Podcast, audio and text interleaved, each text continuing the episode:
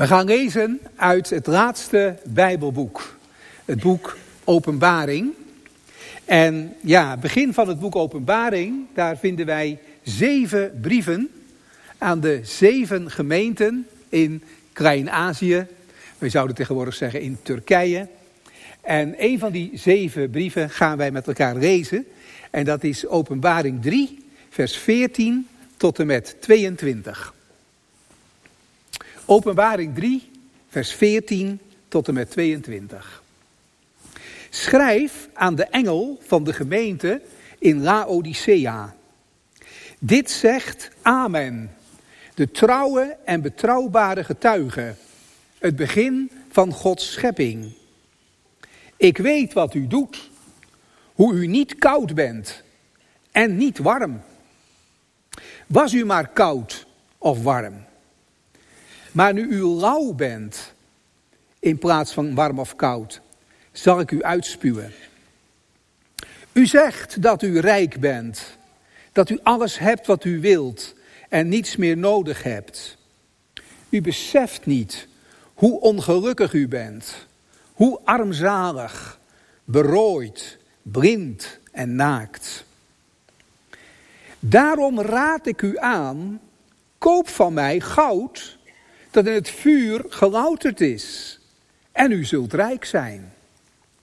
Witte kleren om u te kleden en uw naaktheid te bedekken, zodat u zich niet meer hoeft te schamen. Zalf voor uw ogen, zodat u weer kunt zien. Iedereen die ik lief heb, wijs ik terecht en bestraf ik. Zet u dus volledig in en breek met het leven dat u nu leidt. Ik sta voor de deur en klop aan. Als iemand mijn stem hoort en de deur opent, zal ik binnenkomen en wij zullen samen eten, ik met hem en hij met mij. Wie overwint, zal samen met mij op mijn troon zitten, net zoals ik zelf overwonnen heb en samen met mijn vader op zijn troon zit. Wie oren heeft, moet horen wat de geest tegen de gemeente zegt. Dat is het woord van Christus. Gemeente van de Heer Jezus Christus, het zal je gebeuren dat je een brief uit de hemel krijgt. Dat overkwam die zeven gemeenten in Klein-Azië aan het eind van de eerste eeuw. Alle zeven kregen ze een brief van de Heer zelf, van de opgestane Jezus Christus. En reken maar dat iedereen in de gemeente uiterst gespannen was toen die brief in hun midden werd voorgelezen. De grote vraag was natuurlijk, wat heeft Jezus vandaag ons te zeggen? Wat is de actuele boodschap die Jezus voor ons heeft? Nou, dat viel in Laodicea beslist niet mee. Ik denk dat ze allemaal hevig geschokt zijn geweest toen ze de woorden hoorden, woorden van de tekst van de preek, dat twintigste vers. Ik sta voor de deur en klop aan. Als iemand mijn stem hoort en de deur opent, zal ik binnenkomen. En we zullen samen eten. Ik met hem of met haar en hij of zij met mij. Maar dat betekent, als Jezus dat zegt, hè, ik sta aan de deur en ik klop, of ik sta daar te roepen, dat hij dus niet binnen is, maar dat hij buiten staat. En hij vraagt om binnengelaten te worden. Als Jezus in de gemeente notabene, in zijn eigen gemeente, als hij daar niet binnen is, maar buiten staat, ja, dan is er echt iets grondig mis. Hij hoort daar toch te zijn in het midden van de gelovigen. En hij heeft het zelf beloofd. Waar twee of drie in mijn naam bijeen zijn, daar ben ik in het midden. Hoe zit dat nou? Als ik het vraag aan enkele gemeenteleden in die stad Laodicea. Kunt u mij eens vertellen, hoe is dat bij jullie? Als jullie samenkomen, is Jezus Christus dan in jullie midden? Dan antwoorden ze mij, natuurlijk is hij bij ons. Want hij hoort bij ons. En wij horen bij hem. Dat kan niet missen. en dat kan niet stuk. U moet namelijk weten dat wij hier in Laodicea, wij zijn een hele mooie gemeente. En we wonen hier in een welvarende stad met heel veel handel, Mensen komen van heinde en ver om hier hun kleding te kopen. En ze komen ook als ze wat hebben met hun ogen of met hun oren. Dan komen ze hier naar ons ziekenhuis, want wij hebben hele goede medici. En wij hebben ook mooie banken, goede banken, waar de mensen hun geld eh, komen brengen. Wij zijn rijk, we hebben niks te klagen, we hebben nergens gebrek aan. Zo denken vrijwel alle inwoners van de stad erover. En zo denken wij in onze gemeente er eigenlijk ook over. Want ga maar na. We hebben heel veel reden tot dankbaarheid. We vinden het bijzonder dat het in onze gemeente zo goed gaat. We kunnen een prachtige profielschets maken van onze gemeente. Dus op de vraag die u stelt, om daar even op terug te komen.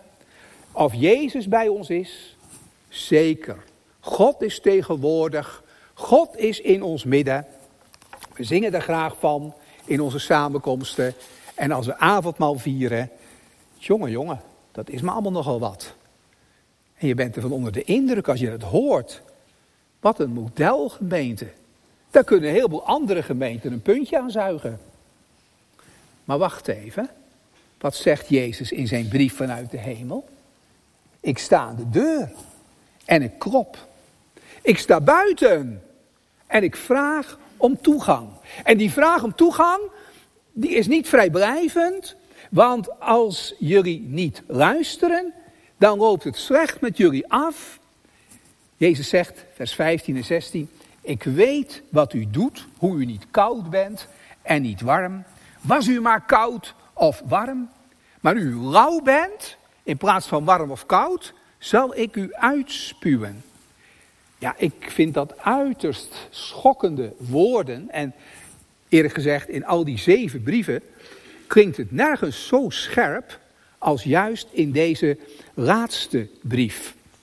De werken van de gemeenteleden in Laodicea worden bestempeld als, als lauw. En daarom ondrinkbaar, ondrinkbaar water. Jezus spreekt herkenbare taal. Sluit zoveel mogelijk aan bij die plaatselijke situatie in Laodicea. Het was inderdaad, ik gaf het al aan, een heel welvarende stad. Maar ze hadden één probleem in Laodicea. En dat probleem, dat was de watervoorziening. Er waren geen bronnen en de rivier, de rivier de Ricus, die viel zomers droog. Daar hebben we deze zomer ook het een en ander van gezien. Hoe het waterpeil onrustbarend kan zakken. Er was wel een aquaduct met uh, stenen pijpen werd het water aangevoerd uit een hete bron, maar die lag kilometers van de stad. En voordat het water bij de stad was, was het lauw geworden. En het was ook nog een keer vervuild door de kalkafzetting in het aquaduct. En als je dat water dronk, dan had je de neiging om het direct weer uit te spuwen. Bah, wat vies. En hij zegt, Jezus, en zo is het nu met uw bezig zijn. Als gemeente van Laodicea. U bent walgelijk middelmatig. En als u niet tot keer komt, als u niet tot bekering komt, dan moet ik u uitspuwen in het komende eindgericht. En dan gaat u verloren. Nou vragen we ons af, ja wat, wat is dan de oorzaak van die lauwheid en van die middelmatigheid? En waar gaat het nou eigenlijk fout in die gemeente van Laodicea? Het wordt duidelijk als je kijkt naar vers 17. U zegt dat u rijk bent dat u alles hebt wat u wilt. Dat u niets meer nodig hebt. U beseft niet hoe ongelukkig, hoe armzalig, berooid, blind en naakt u bent. Gemeente die is uh, zelfgenoegzaam geworden. Ze heeft het ontzettend goed met zichzelf getroffen. Nou is die zelfgenoegzaamheid bekend van de stad Laodicea. Want bijvoorbeeld in het jaar 60 werd de stad grotendeels door een aardbeving verwoest. En dat gebeurde ook met steden in de omtrek. En de keizer in Rome, keizer Nero, die stelde gelden beschikbaar, een heleboel geld, om die verwoeste steden weer op te bouwen En dat werd natuurlijk in die steden dankbaar aanvaard. Behalve in Laodicea, want die zei de beste keizer, we hebben je geld niet nodig, want onze minister van Financiën, die heeft hele diepe zakken en wij kunnen het allemaal zelf wel. Wij zijn self-supporting. Nou, en weet je wat je vaak ziet? Dat de mentaliteit in de cultuur, de mentaliteit in de samenleving om je heen, daar krijg je als gemeente van Christus ook gemakkelijk een tik van mee. En als wij bijvoorbeeld in een samenleving uh, ons bevinden waar de autonomie, ik red het zelf, voorop staat. Of het materialisme een hele grote rol speelt. Dan lopen wij dus gevaar dat wij datzelfde beeld gaan vertonen. Die zelfvoldaanheid heeft de gemeente van Laodicea als het ware meegekregen uit haar omgeving. Want de gemeente, ook in 2022, de gemeente is niet immuun voor de cultuur waar ze middenin staat. Dus in Laodicea, daar houden de christenen zelf het kerkelijke leven wel draaiende. Ze kunnen zelf Jezus wel navolgen in het leven van elke dag. Ze hebben de Here niet nodig, stap voor stap, dag in, dag uit. En wat is het gevolg? Dat de Heer zich terugtrekt. Want hij kan zijn liefde, hij kan zijn zorg, hij kan zijn kracht niet meer kwijt aan die rijke en verrijkte mensen die het zo goed met zichzelf getroffen hebben. En als Jezus geweken is, als hij buiten de deur is gezet, dan wordt alles lauw. Wat we ook allemaal doen, onze goede werken, onze christelijke acties, onze overvolle kerkelijke agenda is vies en ondrinkbaar als lauw vervuild water. Ik sta aan de deur, zegt Jezus, en ik klop, want u hebt mij, uw Heer, buiten de deur gezet. Nou, dat is een schokkend woord. En zo zullen ze het ook wel ervaren hebben, daar in Laodicea. En hoe luisteren wij er dan naar vanmorgen? Zou dat woord ook op ons van toepassing kunnen zijn? Materieel hebben de meesten van ons het nog goed. Ook al zien we wel dat overal de financiële zorgen toenemen. Kerkelijk gezien kunnen we heel veel opsommen, veel activiteiten, veel wordt er georganiseerd. Gelukkig, heel veel mensen die ook een eh, steentje willen bijdragen. En buitenstaanders zullen wel zeggen, kijk daar eens, wat een meelevende gemeente. Zo zie je dat niet vaak meer in deze tijd. En met zoveel kinderen, prachtig. En met zoveel jonge mensen die meedoen. En dan komt de beslissende vraag op ons af. Hebben wij nou in al die dingen de Heer Jezus nodig? En leven wij in diepe afhankelijkheid, in het besef dat wij zonder Hem niets kunnen doen. Alleen kan ik niet verder, geen enkele schree.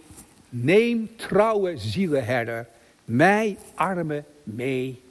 En als die afhankelijkheid er niet is in mijn leven en in ons leven, persoonlijk en als gemeente, dan staat de Heere buiten de deur.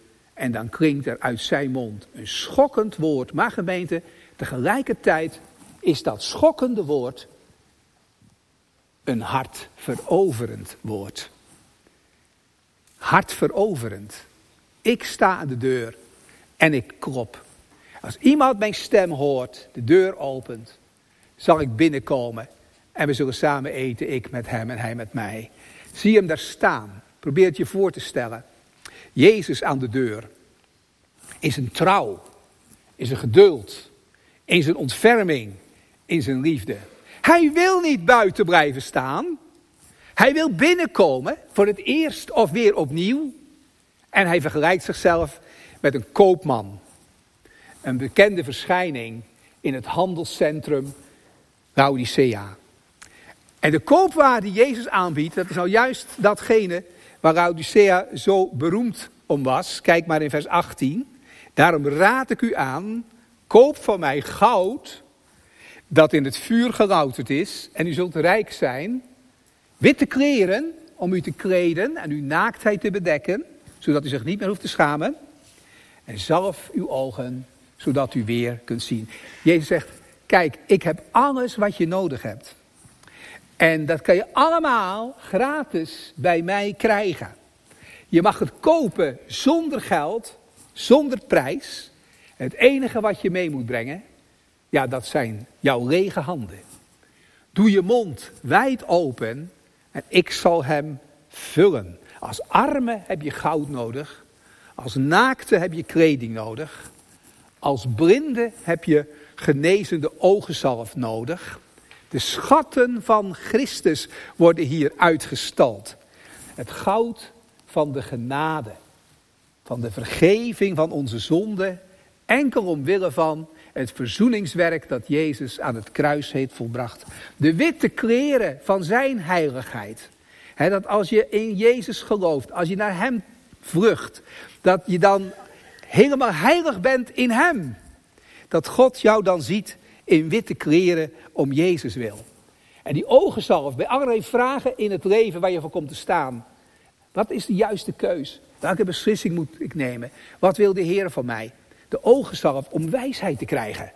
Om te zien waar het op aankomt. Om de goede keuzes te maken. Dat wil de Heer allemaal zomaar schenken. Want hij is een unieke koopman die zelf niet op winst uit is. Maar alleen maar op de geestelijke winst van zijn kopers. Dan kan iemand zeggen, ja maar waarom staat er dan toch het woordje kopen? Want kopen, dat betekent toch dat je er wat voor betaalt. Dat is wat anders dan dat je het krijgt. Waarom staat er dan toch kopen? Goeie vraag. Maar de Heer die gebruikt hier het woord kopen, omdat het niet een vrijblijvend advies is. Take it or leave it. Nee, je kan er uh, profeet naast leggen, Jezaja, Jezaja 55. Daar lezen we deze woorden. Hierheen, het is, hier is water voor ieder die dorst heeft. Kom, ook al heb je geen geld. Koop hier je voedsel en eet. Kom, koop voedsel zonder geld. Koop wijn en melk zonder betaling. En dan staat er, luister aandachtig naar mij. Leen mij je oor. Kom bij mij. Luister en je zult leven. Dus luisteren, aandachtig horen, tot hem komen. Dat is kopen. Dat is open doen. Kopen bij de hemelse koopman. Dat is niets breng ik ten offer, Heer. Ik klem mij aan uw kruishout. Meer en meer. Iedereen die ik lief heb, zegt Jezus, wijs ik terecht. En bestraf ik. Zet je dus volledig in en kom tot inkeer. Neem mijn vermaning ter harte. Stel het niet uit om tot inkeer te komen. En wat houdt die bekering in? Als iemand mijn stem hoort en de deur opent. Dat betekent, kijk, dan ga je beleven. En niet alleen één keertje, maar ook steeds weer. Dat die stem van Jezus als een hart veroverende stem. Een hart innemende stem. Dat die stem van Jezus je zo raakt. Hè? Dat je zegt, Jezus, zonder u kan ik niet verder. En zonder u wil ik niet verder. Want ik heb u nodig, elke dag. Die stem van Jezus, die raakt je in je hart. En je komt er niet meer los van. En, en je zegt, het ergste wat ik zou kunnen bedenken, dat is dat ik zonder Jezus verder zou moeten. Dat is het ergste wat mij kan overkomen. En daarom is het mijn gebed. Kom in mijn hart, Heer Jezus, into my heart. Into my heart. Come into my heart, Lord Jesus. Come in today. Come in to stay. Come into my heart, Lord Jesus. Open doen. Moeder kom ik arm en naakt tot de God die zalig maakt. Het gebeurt, dit gebeurt. Dit gebeurt vandaag overal in de wereld waar het woord, het evangelie klinkt. Het gebeurt onder ons. Het gebeurt ook in je leven steeds opnieuw. Bij jongeren, bij ouderen. Bij u, bij jou, bij mij. Verhard je hart niet. Laat Jezus niet kloppen en roepen en ga niet over tot de orde van de dag. We gaan samen eten, zegt Jezus. En als hij dat zegt, de maaltijd houden, eten, dat doet ons meteen denken aan het avondmaal. En dat hoort er inderdaad bij. Regelmatig, gelovig, avondmaal vieren. Die tafelgemeenschap, die staat in het teken van de levensgemeenschap. Eten, zeker in het oosten, dat doe je niet met je vijanden, maar dat doe je met je vrienden. Je eet samen omdat je bij elkaar hoort. En omdat je aan elkaar verbonden weet. Dat zegt de Heer. Ik zal niet je uitspugen.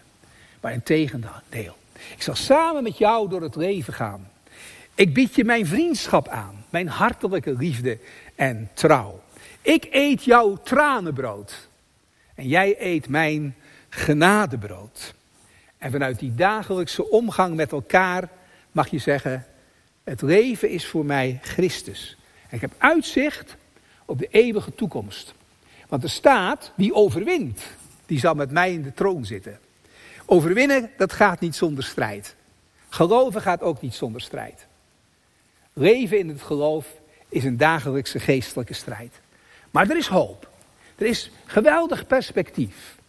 Wie overwint zal samen met mij in mijn troon zitten. Net zoals ik zelf overwonnen heb.